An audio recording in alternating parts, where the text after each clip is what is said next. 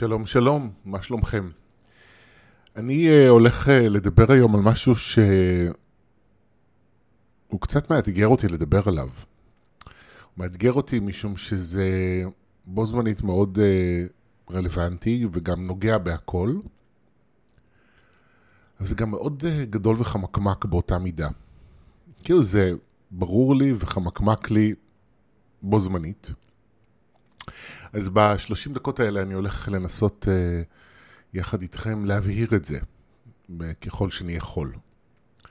אז כמו שאתם יודעים מהכותרת ומהמילות הסבר על הפרק הזה, אני רוצה לדבר היום על נתק.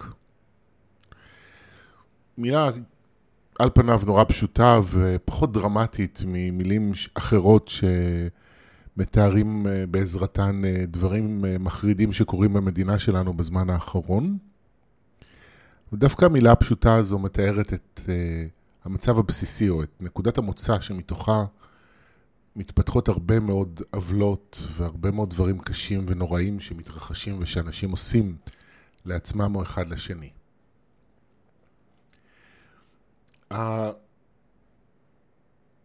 ההחלטה שלי להקליט את הפרק הזה דווקא על נתק אה, נוצרה בעקבות כל הסיפורים ממערכת החינוך, והראשון לספטמבר, והכתבות שאני קורא סביב זה ההחלטות המנותקות של ראשי משרד החינוך, או שר החינוך, אין לי מושג של מי בדיוק, אבל הנתק שיש בין ההחלטות לבין המציאות, והעובדה שיש צרכים ומאפיינים ייחודיים של מערכת החינוך בשטח, שלא מקבלים מענה על ידי אלו שאמורים להנהיג את המערכת הזו, שזה שר החינוך ועוד בעלי תפקידים. ואנחנו נמצאים בסוף אוגוסט, אני מקליט את הפרק הזה כמה ימים לפני שהוא מתפרסם, ואף אחד לא באמת יודע מה הולך להיות, והחלטות שכן התקבלו בחלקן, אם לא בכולן, לא ממש מחוברות למציאות. ויש הרבה מאוד פוסטים שאני קורא על זה בפייסבוק, של הורים, בעיקר של הורים, קראתי גם קצת של עובדי מערכת החינוך, אבל בעיקר של הורים שמתרעמים על הנתק הזה. וזה רק כמובן דוגמה אחת, ויש הרבה מאוד דוגמאות בזמן האחרון לנתק שיש בין ההנהגה אה, של המדינה הזו לבין האנשים שגרים במדינה הזו. נתק שמתבטא בהרבה מאוד החלטות והרבה מאוד משחקים פוליטיים שאין קשר בינם לבין הצרכים והמצוקות שלנו כאזרחים. והרבה אנשים גם יוצאים להפגין בעקבות זה, שזה טוב וזה מצוין בעיניי. וזו התרומה שלי גם לעניין הזה, כי אני לא יוצא להפגין, זה אינטנסיבי לי מאוד. אז אני עושה את זה בדרכי שלי. ואני אה, שומע את זה גם שם, וכש... ולכן כשקראתי את העניינים האלה סביב מערכת החינוך, באיזשהו שלב עברה בי ההחלטה, אמרתי, אוקיי, צריך לדבר על הנתק הזה. אני רוצה לדבר על הנתק הזה, וגם צריך לדבר על הנתק הזה, בעיקר משום שהוא בכל מקום. ומה שקורה כרגע רק מקצין משהו שתמיד היה, ושצריך לדבר עליו. ובין ההחלטה שלי על זה לבין ההקלטה של הפרק בפועל, התרחש אה, סיפור האונס הקבוצתי באילת. וזה מחריד אותי ברמות אה, קשות, וזה רק מצטרף לשורה ארוכה של סיפורים שאני שומע כל השבוע, כל שבוע, בעבודה שלי עם אנשים.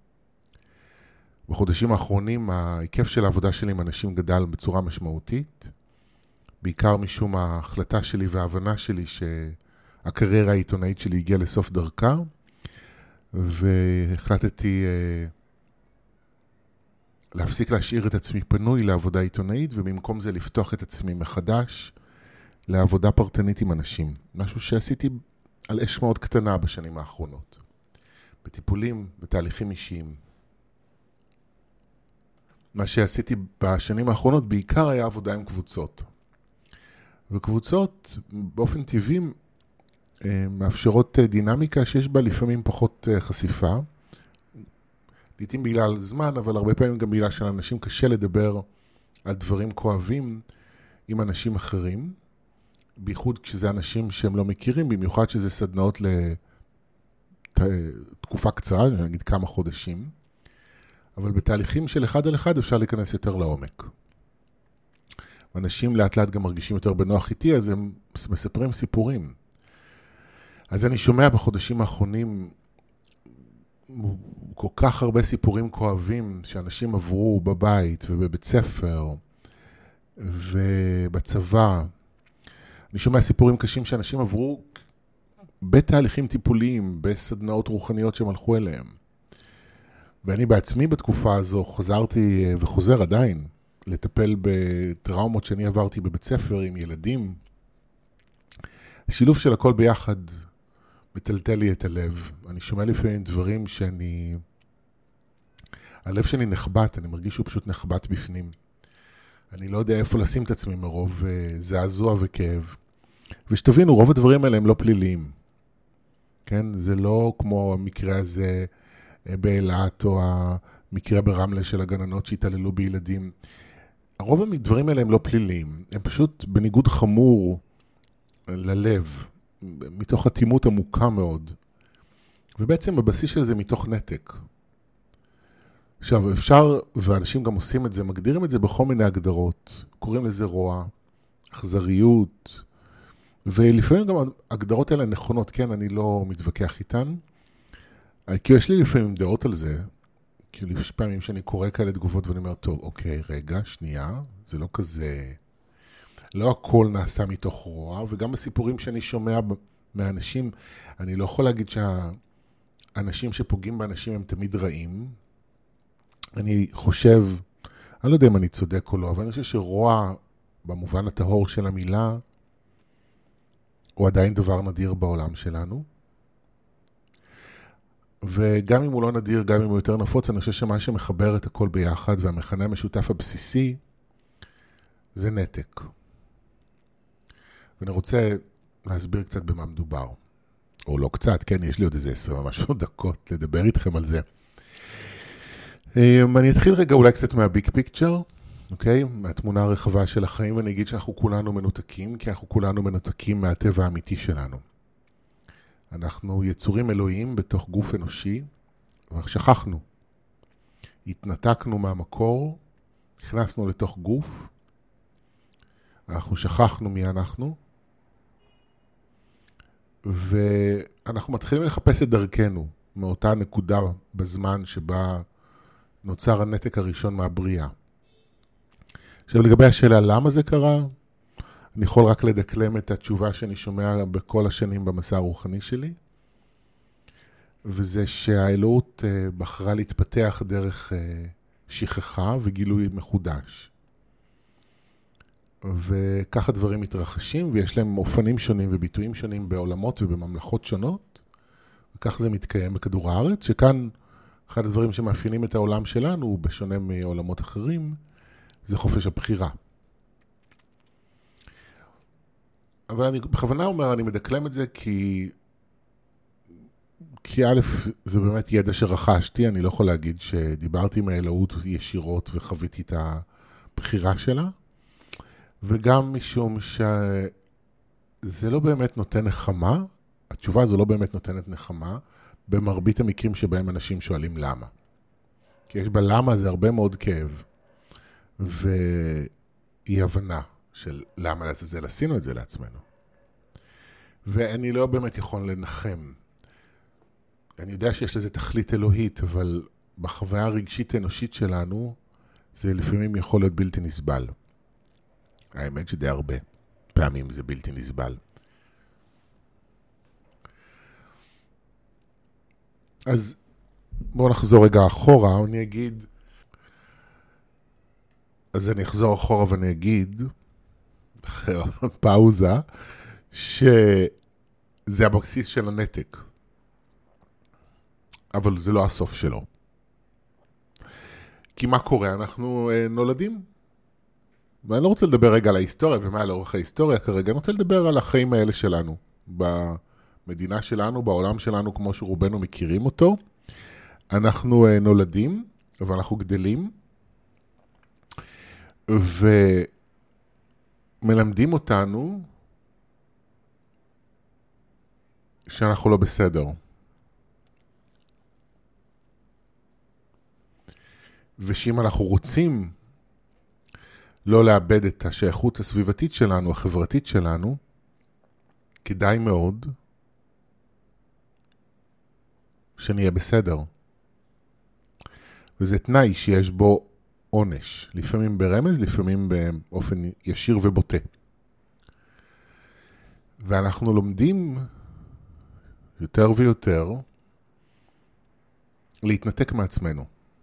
אנחנו לומדים לא לספר, לא לבטא, לא להציג חלקים בתוכנו, שיגרמו לאנשים לכעוס עלינו, להעניש אותנו, לדחות אותנו, וכן הלאה וכן הלאה. כל מה שיגרום לכאב, לאובדן, אנחנו נשים בצד. אנחנו שמים בצד, ומה שקורה עם הזמן, שאנחנו גם שוכחים שזה קיים. אנחנו מתנתקים מזה, אנחנו לא זוכרים. אנחנו לא זוכרים את הצורך באהבה, אנחנו לא זוכרים, זוכרים את הצורך בחיבוק, אנחנו לא זוכרים את הצורך uh, לצחוק. אנחנו לא זוכרים. אנחנו לא זוכרים רצונות מסוימים. אנחנו גם לא זוכרים כאבים, כי אנחנו לא יכולים לחיות עם פצע רגשי פתוח. אז אם אנחנו עוברים דברים כואבים ואין להם uh, תמיכה, ואין לנו עם מי לדבר, ואין מי שיבין אותנו ויעזור לנו, אנחנו חייבים להתנתק מהכאב כדי להצליח להחזיק מעמד. כי אי אפשר ללכת בעולם ולכאוב כל הזמן. אז אנחנו נהיים מנותקים. אתם יודעים, מדברים בנהיגה שכשאתה נוהג יש לך חלק בשדה הראייה שהוא שטח מת, שאתה לא רואה מה קורה בו. ומאוד מאוד צריך לשים לב לזה, כי אחרת אחרת יכול לקרות אסון. וזו המקבילה שלי בעצם ל... לחיים עצמם, לחיים בכלל. אנחנו לא רואים, כתוצאה מהנתק פנימה, אנחנו גם מנותקים החוצה. וצריך להוסיף לזה, אני לא אמרתי את זה מקודם, אני אגיד את זה עכשיו, שחלק מהחינוך שהרבה מאיתנו קיבלו, הוא חינוך שמדבר על... Uh, לא להיות אגואיסט, לא להתרכז בעצמנו, אלא להתרכז באחרים ומה אחרים מרגישים ומה אחרים צריכים. וזה רק מוסיף לנתק שיש לנו מעצמנו. אנחנו מנותקים. אנחנו מנותקים מהרגשות שלנו במידה רבה מאוד, כי לימדו אותנו שזה לא בסדר כל מיני רגשות, שיש רגשות שליליים, ש... יכולים לפגוע בנו אם אנחנו נרגיש אותם, אז אנחנו צריכים להתנתק מהם. יש לנו נתק כי אנחנו למדנו שכל מיני צרכים שלנו הם לא לגיטימיים. הצורך לשאול שאלות, הצורך לקבל חיבוק, הצורך אה, לקבל עזרה הוא גם לא לגיטימי כי אנחנו אמורים להיות חזקים ולהסתדר לבד ולהיות עצמאיים. ואני פוגש ושומע כל כך הרבה הורים שחושבים שמגיל ליטרלי אפס, הם צריכים ללמד את הילדים שלהם להיות עצמאים, ומה שהם עושים, הם לא מאפשרים לילדים להיות ילדים. כי מהר מהר הם צריכים להיות עצמאים, כאילו שילד לא יהיה עצמאי מתוך עצמו. אם רק נסמוך על, אה, על תהליך הגדילה הטבעי, על האופן שבו ההתפתחות שלנו כבני אדם אה, מתרחשת מעצמה, אז אנחנו לא יכולים להיות ילדים, אה, גם לשחק, גם להשתעשע, גם לא לדעת, גם לבקש עזרה, לקבל, אה, לבקש אהבה, אז כל זה הוא לא לגיטימי. אז אנחנו מתנתקים מזה, ואנחנו מנסים להתאים את עצמנו לאיזושהי תבנית שאנחנו חושבים שהיא התבנית שבה כולם חיים. והפרדוקס הוא שכשאנשים מדברים בכנות על התבנית שאליהם הם מנסים להתאים את עצמם, שאליה הם מנסים להתאים את עצמם, אז אפשר לשמוע את ההבדלים. ויש דברים שכמובן חוזרים על עצמם, כי יש uh, תפיסות שהן uh, מושרשות בחינוך שכמעט כולנו קיבלנו, אבל יש גם הרבה הבדלים. ובו זמנית, חרף ההבדלים האלה, כל אחד בטוח שהתבנית שלו היא הנורמה, וככה כולם. למרות שבפועל זאת לא המציאות. ואז מה קורה? מה קורה כשאנחנו כאנשים מנותקים חיים את החיים שלנו? מה שקורה זה שאנחנו מסוגלים לסבול במידה כזו או אחרת כל מיני מעשי עוולות, ואנחנו גם עושים כל מיני מעשי עוולות כתוצאה מכך. ואתם יודעים, אני מדבר הרבה על ברית מילה, כדוגמה למעשה עוול שנעשה, והוא נעשה מתוך נתק. מעבר לכל ההסברים ההגיוניים, הדתיים, הלכאורה בריאותיים, למרות שהם לא באמת נכונים, בבסיס של כל זה יש נתק. יש נתק מהלב, מהכאב ומהעובדה שאנחנו גורמים לכאב. ברית מילה, אבל זה רק, אה, רק דוגמה אחת למשהו שאותי פשוט הוא כל כך מעצבן, שאני מדבר עליו הרבה, אבל כל אחד אה, נזעק במקומות שלו. יש אנשים שמדברים על אה, אכילת בשר, יש אנשים שמדברים על, או נלחמים על, לא רק מדברים על, אלא נלחמים על, סביב הסיפור המחריד הזה עם האונס, שהרבה אנשים יצאו לרחובות. כל אחד מאיתנו מזדעזע מהביטויים של נתק בעצם. וזה הכל ביטויים של נתק. זה לא משנה אם זה ברית מילה, או אונס, או מערכת החינוך שלא מסוגלת לקבל החלטות מתוך הקשבה לצרכים ומאפיינים הייחודיים של מערכת החינוך בשטח. נתק זה לתת לילד ריטלין כדי שהוא יהיה בשקט בכיתה ויוציא ציונים גבוהים. ויש מקרים אולי בודדים שבהם זה באמת הכרחי, אבל בהרבה מקרים זה נעשה כי להורים אין סבלנות לטפל בילד, ולמערכת החינוך אין רצון להתאים את עצמה לילד. אז במקום שהמערכת תתאים את עצמה לילדים, מנסים להתאים את הילדים למערכת. נתק זה הכיבוש של הפלסטינאים והיכולת שלנו לחיות כאילו הכל בסדר, למרות שיש מיליונים שחיים תחת שליטתנו, משוללי זכויות שלנו הן נראות כמובנות מאליהן. זכויות שכשמאיימים לפגוע עליהן, אנחנו יוצאים לרחובות, ובו זמנית אנחנו מסכימים שהם יישללו על בסיס קבע כבר עשרות שנים ממיליוני אנשים. וזה לא משנה מה ההצדקות. וזו הנקודה שאני רוצה להגיד, כי אני יודע שהדברים שאני אומר פה מקוממים. אני יודע שהם עושים בלאגן לחלק מהאנשים. אני יודע שיש אנשים ששומעים את מה שאני אומר על הכיבוש וקופצים ואומרים, רגע, אבל הם רוצים לפגוע בנו ולהרוג אותנו. ויש כאלה ששומעים את מה שאני אומר על ברית מילה או על uh, ריטלין וקופצים, כי זה אנשים שעשו את זה או עושים את זה לילדים שלהם ומרגישים אשמים ורוצים מיד להצדיק את עצמם. ואני יודע שיש הרבה אנשים שמזדעזעים מהעובדה שאני שם את כל התופעות האלה ביחד עם אונס. ועשיתי על זה איזשהו פוסט בפייסבוק אה, לפני כמה ימים ואנשים קפצו עליי, אז אני יודע ש... או משער שבין האנשים שמקשיבים לפרק הזה, יש עוד אנשים שקופצים כרגע, ואני רוצה רגע להגיב על זה ולהגיד שיש הבדלים בין התופעות, בוודאי, אבל יש מכנה משותף. יש איזשהו בסיס שמתוכו הכל מתפתח. אז ההבדלים הם ב... תקראו לזה רמת האטימות, עוצמת האטימות, תגידו זה אטום וזה אכזרי, יש המון הבדלים, והאנשים מרגישים צורך לשים אה, דגש על ההבדלים האלה כדי אה, אה, להגן על, ה, על מה שנראה להם נורא. להגן מבחינת, על, להגן על עצמם, על העמדה שלהם, שהם נוקטים ביחס לדברים הנוראים שמבחינתם. אבל אני מסתכל על זה מהצד ואני אומר, זה הכל בא ממקום אטום. שאומר, אנחנו לא עוצרים ולא שואלים ולא מרגישים מה קורה לצד השני כשאנחנו עושים את מה שאנחנו עושים. כשאנחנו חיים איך שאנחנו רוצים לחיות. איך זה משפיע על מישהו אחר?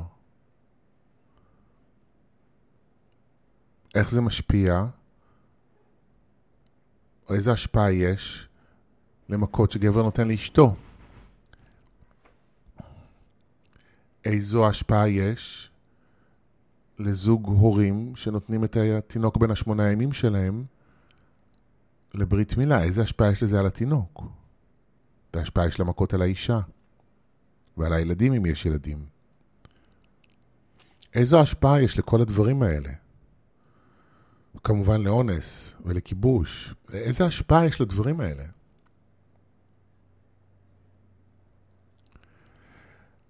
עכשיו, אני יודע שאני שם ב, ביחידה אחת, אני מקיף את כל התופעות האנושיות בעצם.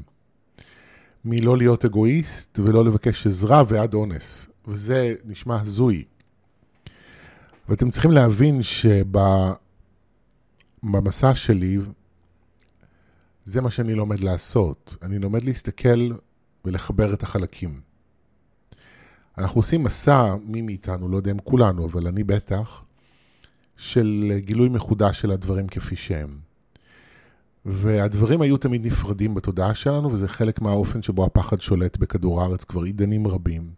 יש הפרדה, זה לא קשור לזה, זה לא קשור לזה, זה לא קשור לזה, ואז כאילו כל יחידה מתנהלת בפני עצמה. ואנחנו לא עוסקים בהשלכות וההשפעות שלנו. ובעודי אומר את המשפטים האלה, אני אומר, בכלל לא דיברתי עד עכשיו על ההשפעות הסביבתיות, על הזיהום. שאנחנו יוצרים וגורמים לייסורים נוראים לבעלי חיים שחיים בטבע וניזונים בעל כורחה מפלסטיק וכל מיני כאלה. בקיצור, אנחנו גורמים לנזק אה, מאוד גדול בגלל ההפרדה הזו. בגלל שאנחנו רגילים לתפוס את הדברים באופן הזה. ולכן אני חושב שגם העובדה שאני מחבר בין הדברים יכולה לקומם.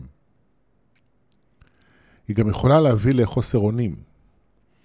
כי הכל נראה כל כך נורא. אם אני מסתכל על הכל כמחובר, ואני מחבר את כל התופעות וההתנהגויות הבעייתיות, אז העולם עשוי להיראות, ולי לפעמים הוא נראה ככה, כאילו אין סיכוי ואין תקווה. ואני רוצה להגיד שזה לא המצב. וזו נקודה מאוד משמעותית שהיא גם uh, יצא לי להתכתב עליה בפייסבוק בימים האחרונים. כי יש אנשים שהם קוראים תקשורים ומצפים שמתרגמים את המסרים שהעולם משתנה ויש יותר אור ויש יותר אהבה, לזה שדברים קשים לא אמורים לקרות יותר או להתמעט, ואנחנו אמורים לראות יותר דברים טובים. והדברים עובדים בקנה מידה שונה מהאופן שבו אנחנו uh, תופסים את הדברים. תהליכים הם ממושכים מאוד, והכניסה של אור לעולם הזה, מה שהיא עושה, היא חושפת את הדברים הנוראים שקורים פה עידנים רבים. עם כל כמה שאנחנו מזועזעים מהאונס הזה, דברים הרבה יותר חמורים קרו פה, וקורים פה, אנחנו לא יודעים עליהם. כך שמה שמשתנה בעיניי בעיקר זה החשיפה. אוקיי, אז אולי פעם לא אנסו 30, אולי פעם אנסו חמישה. והמספר כבר הופך להיות יותר מזעזע, אבל הנתק הוא אותו נתק, והאטימות היא אותה אטימות. ומה שמשתנה בעיקר זה החשיפה של הדברים, וזה מאוד חשוב. כי אנחנו צריכים להבין כמה רקוב העולם ועם מה אנחנו מתמודדים כדי שנוכל לשנות את זה. אנחנו חייבים להבין עד כמה עמוקה הבעיה וגם מה גורם לבעיה. בנקודה הזו אני רוצה לספר לכם שכשהייתי בן 17, 16, 17 פחות או יותר, 17 נראה לי, הייתי חבר בארגון נוער שנקרא נוער לנוער. הייתי אז חבר בנשיאות הארצית, ומתוקף החברות שלי בנשיאות יזמתי אה, פרויקט אה, של הגברת מודעות לקהילה ההומו-לסבית, אז דיברנו הומו-לסבית. אה, ויזמתי את זה יחד עם עוד מישהו שהיה חבר בנשיאות הארצית, שהיינו גם חברים.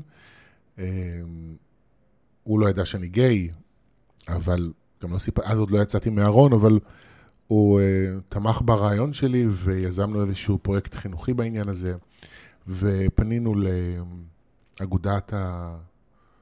איך הם נקראים? אגודת הלהט"ב בתל אביב. אני נורא מתנצל, אבל אני גרוע במונחים הפוליטיקלי קורקט. ונפגשנו אז מהשירות הרצאות שלהם עם אה, בחור שישב איתנו לפגישה ודיבר איתנו על הנושא הזה והסביר לנו כל מיני דברים. בדיעבד אני מבין שהוא היה אחד האנשים הרוחניים הראשונים שפגשתי, ואני זוכר שאחד הדברים שהפתיעו אותי בשיחה איתו, שהוא דיבר על זה שהמאבק בהומופוביה, שבעצם הומופוביה היא ביטוי אחד מיני רבים של גזענות. ומה שנכון בעיניו לפחות לעשות, הוא לטפל בתשתית, שיוצרת את הכל. כי אוקיי, אם נטפל בהומופוביה, אז אולי ההומופוביה תרד, ואז משהו אחר יכול להתחזק. עכשיו, אני לא לגמרי מסכים איתו, כי אני חושב שכל אחד צריך להתמקד איפה שהלב שלו נמצא, ולא כולם יכולים אה, לעשות את ההסתכלות הרוחבית הזאת ולהתמקד בבסיס של הכל, והדברים הם נכונים כפי שהם. אבל אני מספר את זה כי אני חושב כמוהו גם בו זמנית, שהכל קשור בהכל בעצם, ושצריך גם לקחת את זה בחשבון. והמשמעות של מה שאני אומר היא שהשינוי הוא לא רק בלהחמיר ענישה כלפי אנסים. השינוי הוא לא רק בלמצוא ולבחור פוליטיקאים אה, אנושיים שיקשיבו לנו. השינוי הוא לא רק בלהפסיק ברית מילה. יש שינוי שכולנו צריכים לעבור. אני אומר כולנו, אני מרשה לעצמי להגיד כולנו, כי כולנו מנותקים במידה כזו או אחרת. גם אני. זה שינוי שכולנו צריכים לעבור, שבפשטות אני אגיד שהשינוי הזה הוא להעמיק את החיבור שלנו לעצמנו. למה אנחנו מרגישים, למה אנחנו צריכים, למה אנחנו רוצים. מה טוב לנו, מה לא טוב לנו. וזה לא רק להעמיק חיבור אה, רגשי או פילוסופי, אלא גם לממש אותו בפועל. אם לא טוב לי, לעשות שינוי. אם יש לי צורך מסוים, לתת לו מענה. אם יש לי רגש מסוים, להרגיש אותו, לאפשר לו להיות. אם יש לי רצון מסוים, למצוא דרך להגשים אותו. עכשיו, זה נכון שיש, שצריך לבחון את הדברים הפנימיים, לא כל דבר מחייב את אותה, אותו סוג של תגובה. אבל כל חלק בפנימיות שלנו ראוי להתייחסות ולהקשבה. ואת זה אנחנו לא יודעים לעשות באופן מלא. חלק מאיתנו לומדים את זה כבר, אז אנחנו יודעים את זה יותר טוב מפעם, אבל לכולנו יש מה ללמוד במקום הזה. זה לחזור להקשיב, להיות בתשומת לב לעצמנו, לראות מה אנחנו מרגישים, רוצים, צריכים, ובעיקר איפה טוב לנו ולא טוב לנו. כי אם טוב לי או לא טוב לי, זה אינדיקציה מאוד חשובה לאופן שבו אני חי. אם לא טוב לי, אני לא יהיה לי, ואני מכריח את עצמי לחיות ככה, אז אני גם אהיה אדיש לאנשים אחרים שלא טוב להם. וככל שאני יותר חשוב לעצמי, ואני יותר מקשיב לעצמי, אז גם אנשים יהיו חשובים לי, ואני אקשיב לאנשים באופן טבעי. כי כשאני מקשיב לי, קל לי להקשיב לאחרים. כשאני נותן לעצמי, קל לי לתת לאחרים. יש לי מתוך מה לתת. אבל אני לא יכול לצפות מאנשים שלא נותנים לעצמם שייתנו לי, כשאני לא נותן לעצמי. אני לא יכול לצפות לזה, ובכל זאת זה מה שאנחנו מצפים לו פעמים רבות. והציפיות האלה הן בדיוק מה שמובילות למלחמות ומאבקים וויכוחים ומריבות ומכות ואלימות. אז מה שאני רוצה להגיד בפרק הזה, זה שעד כמה שהנתק הזה מקיף את הכל, הוא בר שינוי. ונכון, זה ייקח זמן. ואנחנו גם uh, עוד נראה הרבה דברים שיזעזעו אותנו, כי לצערי הרב הדרך היחידה לפתוח את הלב של האנושות היא uh, לזעזע אותו. אבל אנחנו גם לא צריכים לחכות, כי השינוי תלוי בנו. והוא מתחיל ביחסים שלנו עם עצמנו, ומתוך זה גם עם היחסים שלנו עם הסביבה המיידית שלנו והמעגלים היותר רחבים. וככל שיותר ויותר אנשים ישתנו, ככל שיותר אנשים יהיו יותר מחוברים, אז הם גם uh, יתנהגו אחרת, והעולם ישתנה. בהחלט ישתנה.